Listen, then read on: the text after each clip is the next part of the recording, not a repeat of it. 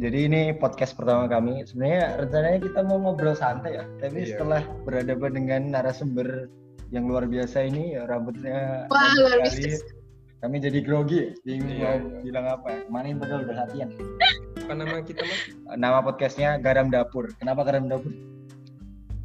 Ayo kenapa? Karena sayur tanpa garam itu Hambar, ya. seperti kehidupan sehari-hari tanpa podcast kita. Jadi hambar. Oke, langsung aja luar ke biasa. Nah, namanya. perkenalan kita kedatangan eh, narasumber yang luar biasa ya. Siapa? mungkin biar dia oh, dia, dia sendiri. ya silakan Silakan. perkenalkan. Di mana-mana yang kenalin itu kayaknya MC deh. Kok ini jadi saya kenalin diri saya sendiri sih? Iya perkenalkan dari dari mana umur nama Ah, oh, saya Lydia. Em, asalnya Medan, lagi kerja di Papua. Terus ini nggak mau ditanyain? Kurang ini. Atau saya ngoceh sendiri? Ya. Iya. Dulu nih saya sempat lihat Kak Lydia jadi DPM pas kapan tuh pas tingkat saya tingkat satu. Berarti berarti Lydia Kak tingkat tingkat dua. Lydia Kak Lydia tingkat dua. Tingkat dua. Nah itu Iya. sangat mencolok, ya, sangat menonjol. Kenapa? Satu-satunya wanita kalau nggak salah ya kak. Oh, gitu Nah ini. Nah gimana? Nah, saya sebenarnya pengen tahu nih. Kan pada umumnya di STS tuh eh, ketua kelas tuh cowok ya. Nah kenapa Kak Lydia waktu Iya. itu bisa menjadi ketua kelas? Itu Biasanya ceritanya kan gimana? ada dua nih kalau enggak karena dia emang bagus atau tumbal kali dia kayak gimana Em, di tengah-tengah lah. Jadi kemarin itu gara-gara saya tuh sebenarnya wakil ketua kelas, tapi gara-gara ketua kelasnya harus mengikuti sesuatu ya kalau nggak salah. Jadi naiklah saya yang dari wakil menjadi ketua kelas. Nah, saya nggak tahu kalau ternyata itu jadi DPM langsung. Kirain bisa menolak untuk DPM, nggak taunya langsung dapat kur, langsung dapat DPM, langsung dapat komisi. Jadi seakan-akan kejebak berarti ya. Iya. Udah seperti Soalnya itu. itu kalau nggak salah tahun pertama ya yang ketua kelas wajib jadi DPM ya. Sebelumnya bisa milih ya. Iya, salah. Nah, Iyo, itu- yang kemarin itu ada oprek DPM juga. Tapi Hmm. pas kemarin itu langsung jadi kan. Langsung jadi jadi. udah jadi DPM juga. Terus gimana nih perasaan Kak Lydia waktu itu? Kayak wah ini DPM semuanya cowok gitu. Apa ada perasaan Hmm, minder malah atau malah malah termotivasi? Em, perasaannya cuman sedikit apa ya? ngerasa bangga lah ya, cuman satu-satunya perwakilan eh, yang dari cewek, tapi di sisi lain juga gara-gara cewek sendiri jadi mungkin anggota-anggota yang lain itu jadi malu-malu kalau misalnya mau koordinasi, mau nyuruh-nyuruh kerja gitu. Padahal kan maksudnya kalau kita bagi kerjaannya dengan rata kan cewek juga bisa mampu untuk ngerjain kan apa yang di- bisa dibuat cowok gitu maksudnya. Cuman Iya. gara-gara satu-satunya cewek terus saya juga masih kemarin itu tingkat dua jadi kayak seakan-akan paling disayang lah jadi biasanya nggak di- dikasih kerja apa-apa gitu Oh ya, FYI untuk pendengar ya, DPM tuh di STIS tuh kayak senat mahasiswa lah, semacam fungsi legislatifnya. Hmm, baru Kalau eksekutif tuh BEM lah kalau di itu. Ya, lanjut. Oh, kan itu tadi merasa disayang gitu. Nah, kita meng- mau mengangkat eh, sebenarnya perempuan, partisipasi perempuan terutama di kampus kita ya. Itu menurut kakak itu bagaimana? Apakah masih kurang atau sudah pas gitu? Terutama kita mulai dari keadaan kampus dulu. ya. kalau dari kampus sih menurut saya kurang ya karena kan eh, kalau bisa kita lihat gara-gara saya ikut juga masuk di DPM kan bisa lihat struktur organisasi kan Hmm. biasanya kan struktur organisasi itu yang selalu jadi ketua itu adalah laki-laki. Jadi orang itu punya pandangan bahwa wanita itu nggak bisa memimpin atau nggak bisa memiliki kedudukan yang penting kan di suatu organisasi. Jadi ketika misalnya perempuan diberikan suatu jabatan seperti ketua, itu biasanya disuruh vote ulang. Jadi dibilang kalau cewek itu lebih bagus sekretaris. Padahal kan seperti yang saya tadi bilang, perempuan bukan tidak bisa memimpin loh perempuan itu bahkan menurut saya lebih terorganisir, lebih bisa mampu memahami gitu. Tapi gara-gara mungkin pandangan kita yang masih sedikit tradisional, jadi masih dirasa kurang untuk perempuan. Jadi perempuan juga gara-gara pandangan itu kan jadi sulit juga untuk bergabungkan ke organisasi-organisasi. Emang itu kejadian di kampus kayak gitu? Iya di kampus kayak gitu. Oh, baru tahu. Baru tahu Nah, ya. kalau kan Hmm, ngapain ini. aja pak? Belajar kan- aja ya pak ya di kampus ya pak ya. Oke, kita bergerak ke bidang lain. Itu kan tadi di organisasi ya. Kalau untuk eh, hal kesetaraan gender kita meluas sedikit ya. Eh, kesetaraan gender kalau di kampus gitu, menurut kalian gimana? Atau bagus atau gimana? Kalau kesetaraan gender sih ya bagus, cuman cuman pandangan yang tadi aja yang dirasa Yang tadi ya. perempuan kurang bisa Hmm. memimpin Kalau itu aja. Tapi Kalau untuk di aspek lain berarti udah. Iya sudah. Nah, kan kita meluas lagi ya. Kan di luar sana itu sering dibentrokkan antara isu feminisme dengan dengan yang non feminisme istilahnya. Misal nih contoh, eh, kalau cewek mau setara itu ya ya setara misal di bis gitu. Jadi cewek jangan minta diistimewakan gitu, kecuali ibu hamil atau lansia dan penyandang disabilitas gitu, atau yang bawa anak kecil. Di sisi lain juga ada yang bilang eh, cewek itu masih kurang itunya apa Kesetaraan. kesetaraannya jadi masih menuntut Misal kayak di jadi bidang- Di bidang apa organisasi ya, maksudnya lebih banyak dominan cowok gitu kan. hmm, Makanya cewek banyak menuntut kesetaraan gender. hmm, Tapi di sisi lain, cewek juga pingin dilindungi gitu ya. pengen diistimewakan Hmm. juga nah itu menurut kak Lydia gimana Misal sama Em, kalau saya sendiri ya, kalau saya sendiri tuh saya itu merasa siapa cepat dia dapat ya kalau untuk tempat duduk ya. Hmm, Jadi selama kita masih muda, that's okay lah kalau kamu duduk walaupun kamu cowok cewek. Tapi mungkin terkadang di sini wanita itu membawa perasaannya juga kan, karena hmm, dia merasa dirinya lemah dan harusnya dilindungi oleh pria. hmm, Nah, di sisi lain kenapa dia menuntut kesetaraan gender? Karena itu pandangan kita terhadap wanita itu adalah wanita silakan kerja di dapur. Hmm. Makanya dia itu sebenarnya menuntut hal itu, tetapi di sisi lain kami juga ingin dilindungi gitu loh untuk hmm. eh, untuk di saat-saat yang lain gitu. berarti istilahnya ingin kesempatan yang sama gitu ya Iya. Iya, jadi dia kita menuntut untuk kesetaraannya itu maksudnya ya kalau misalnya eh, ada lowongan cowok dan ceweknya itu kira-kira kesempatannya sama, jangan ada nilai lebih terhadap cowok gitu. Hmm. Dan di sisi lain seperti yang tadi saya bilang, kita para wanita juga tetap ingin dilindungi. Oke. Gitu. Terus ada yang bilang gini kan, kalau cowok itu lebih mengedepankan logika, kalau cewek lebih mengedepankan perasaan. Menurut kakak gimana? Apakah itu benar atau gimana?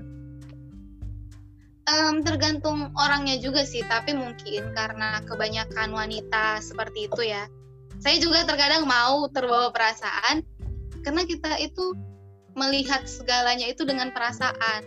Jadi kalau misalnya melihat sesuatu yang terlihat kita kasihani, kita lebih diluan iba daripada cowok.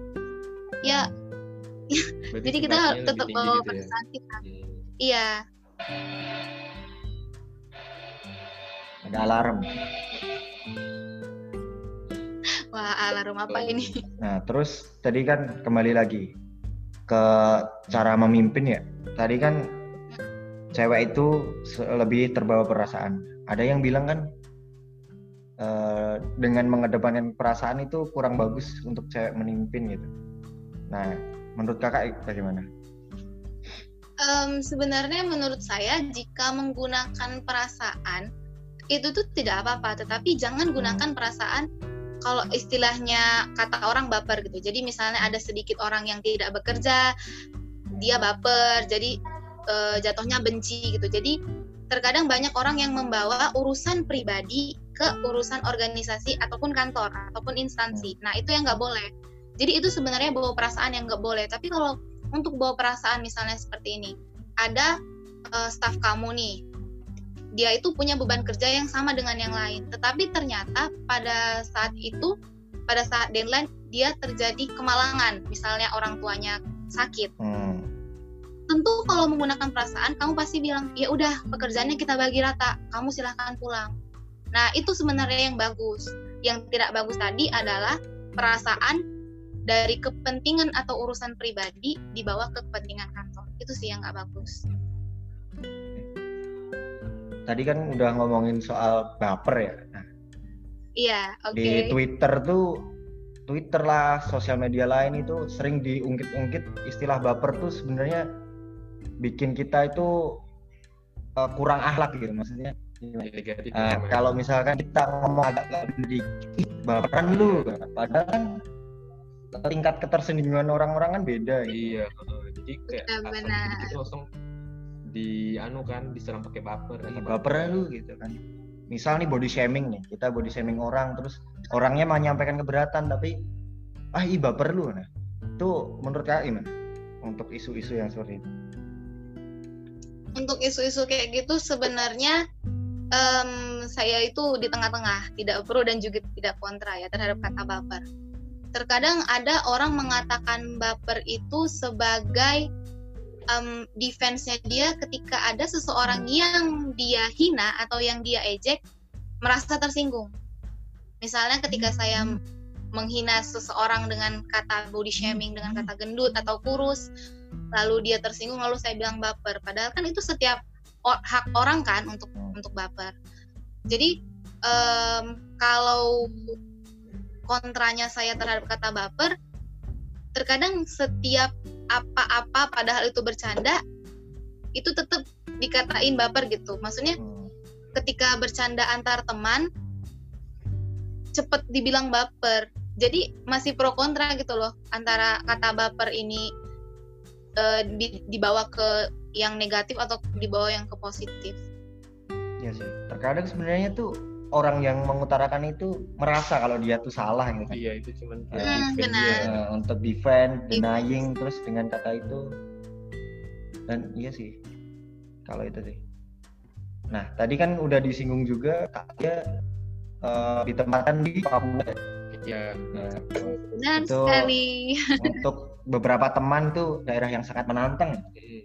Nah, Bahkan ada sampai yang Oh. kayaknya udah takut Parno dulu ya. ya Parno dulu keluar BPS nih. Kalau saya Papua keluar Hmm, BPS. sampai ada kayak gitu. keluar BPS terus mau ternak lele katanya. Nah itu ter- terutama apalagi kan Kak Lydia cewek ini. Nah, mungkin ada pengalaman-pengalaman yang bisa di-share ke pendengar gitu. Mungkin bisa ceritakan dulu maksudnya Papua Oh, iya. ini nih pilihan kah atau Oh, iya, iya. Benar, benar. gitu. Kenapa ditempatkan di Papua? Em, untuk yang pertama Papua Papua itu pilihan saya dari tingkat satu jadi gitu Mantap. saya ngomong saya milih Papua yang lain itu ngatain saya ih gila ya gitu kan Hmm. Nah tapi entah kenapa saya pengen aja gitu ke Papua. Jadi saya ngomong ah udah Papua gitu.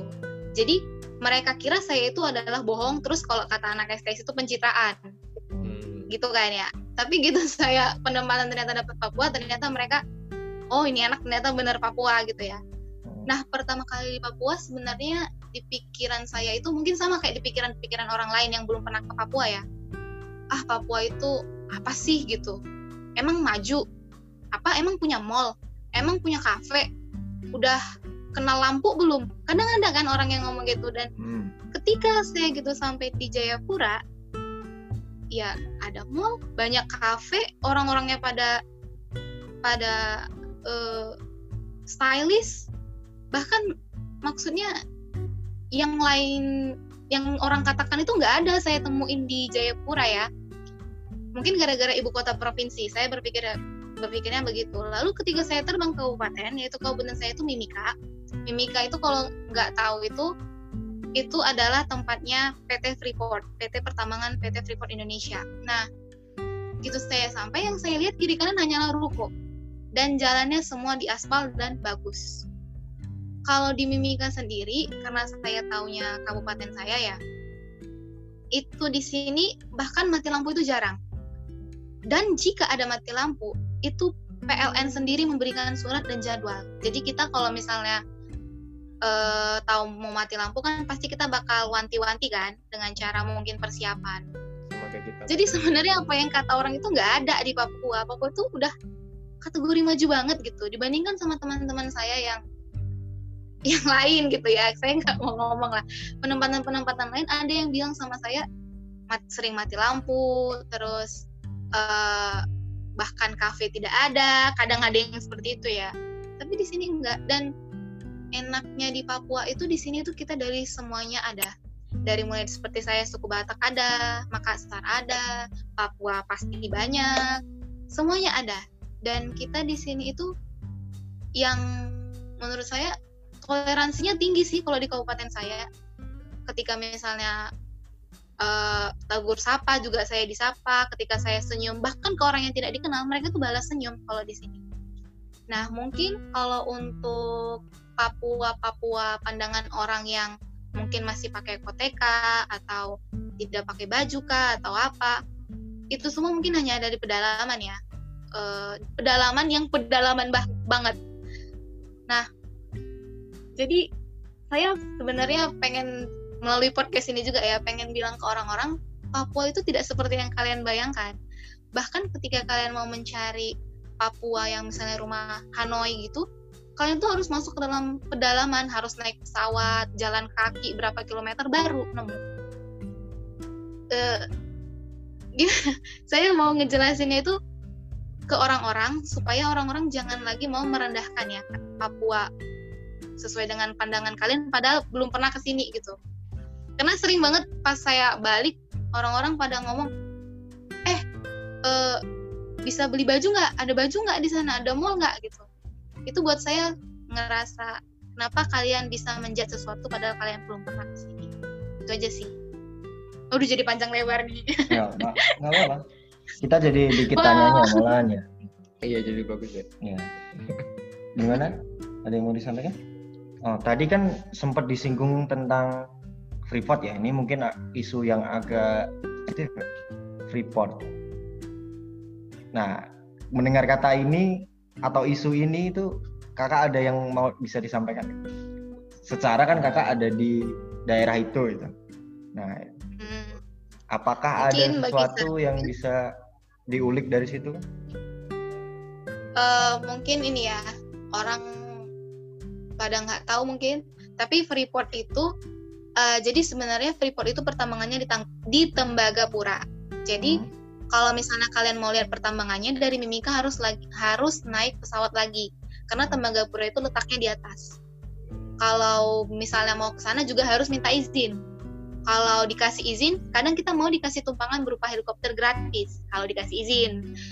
Dan di sini juga ada yang namanya perumahan mereka yaitu perumahan Kuala Kencana. Nah, itu yang ada di kota alias di Mimika di bawah. Dan um, menurut saya sih Freeport itu ikut ambil bagian yang cukup besar ya di Kabupaten Mimika karena uh, Freeport itulah yang bikin Mimika ini maju karena kan Freeport termasuk salah satu perusahaan yang menyerap banyak tenaga kerja kan jadi di sini itu bisa kita bilang kalau ada yang bilang dia pegawai Freeport bisa dikatakan makmur karena gajinya yang cukup ya mungkin sama bahkan lebih tinggi dengan kita dan uh, senangnya saya dengan Freeport itu dia tidak lupa memberikan dana ber, ber, dana bantuan-bantuan ke desa-desa ke distrik-distrik di Mimika yang memerlukan.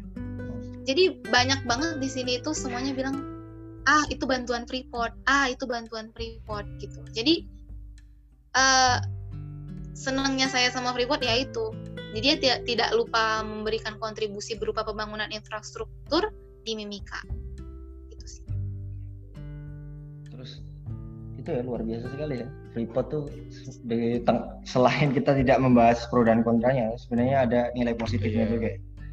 Dan secara yeah. langsung dia juga membantu daerah sekitarnya untuk maju ya. Hmm, terlepas dari pro kontranya yang kita tidak tahu menau ya sebenarnya. Oke, masuk ke kan usia kakak ini bisa dibilang sudah seperempat dari kehidupan atau quarter life gitu. Nah, belum seperempat tapi ya. ya istilahnya gitu kan. Ada quarter life crisis, terus nanti uh, middle middle life crisis kayak gitu.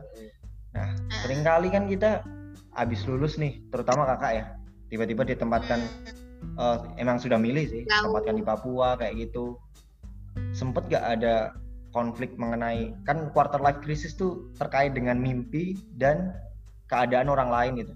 Ketika mimpi kita tidak sesuai dengan apa yang terjadi atau ketika keadaan orang lain itu kita merasa dia lebih beruntung dari kita. Gitu. Nah, kira-kira untuk mimpi kakak nih saat ini gitu apakah ter- sempat hmm. mengalami kegalauan-kegalauan seperti itu oleh quarter life crisis atau semacamnya gitu Um, pasti, karena menurut saya semua orang itu pasti menghadapi itu ya.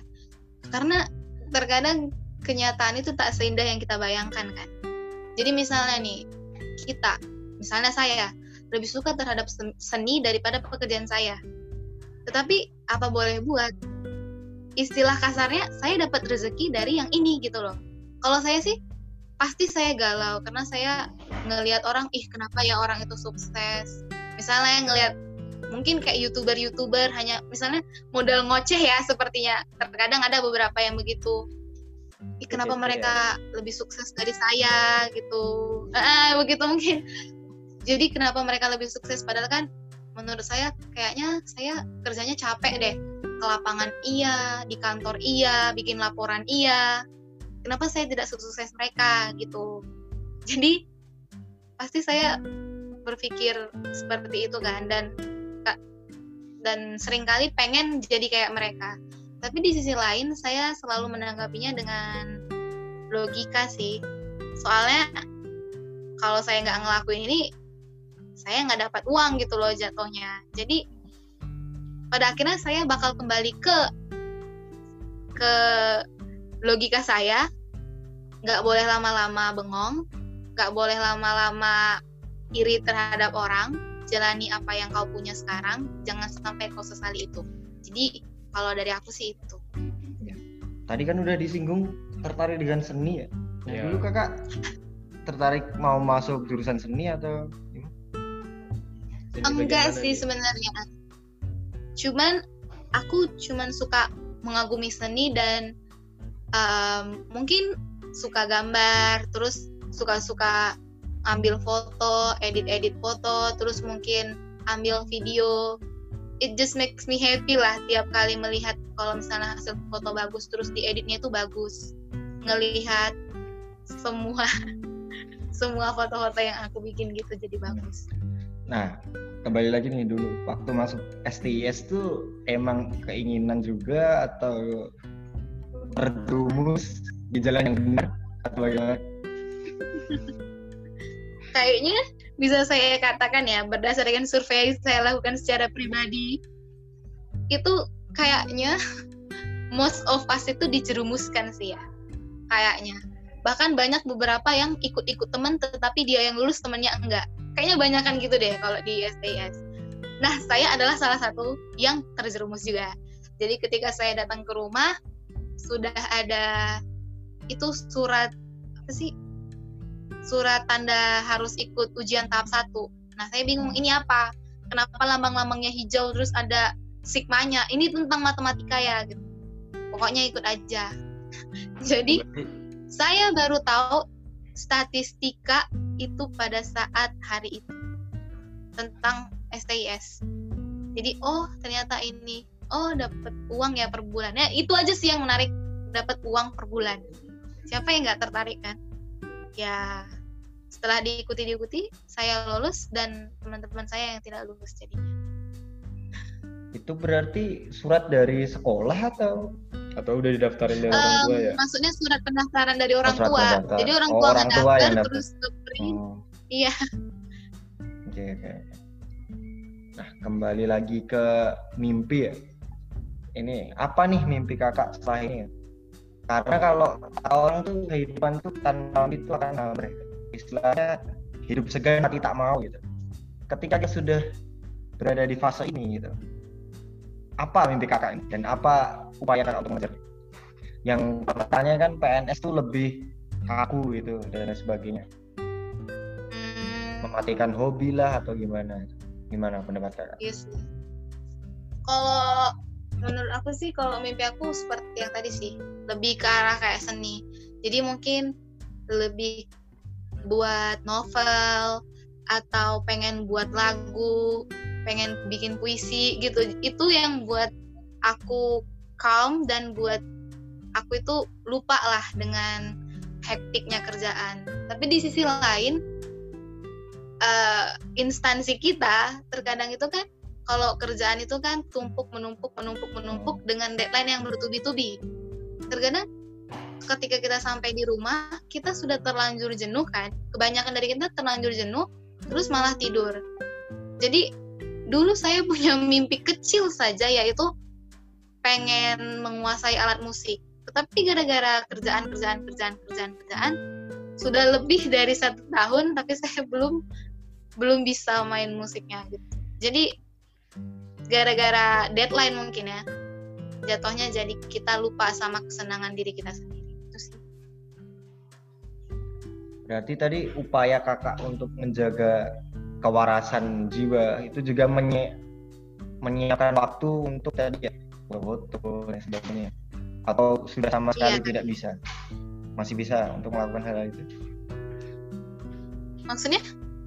Uh, apa sudah benar-benar uh, jarang banget dilakukan tadi? Foto-foto masih ada terus waktu senggang uh, hobi hobi kayak gitu?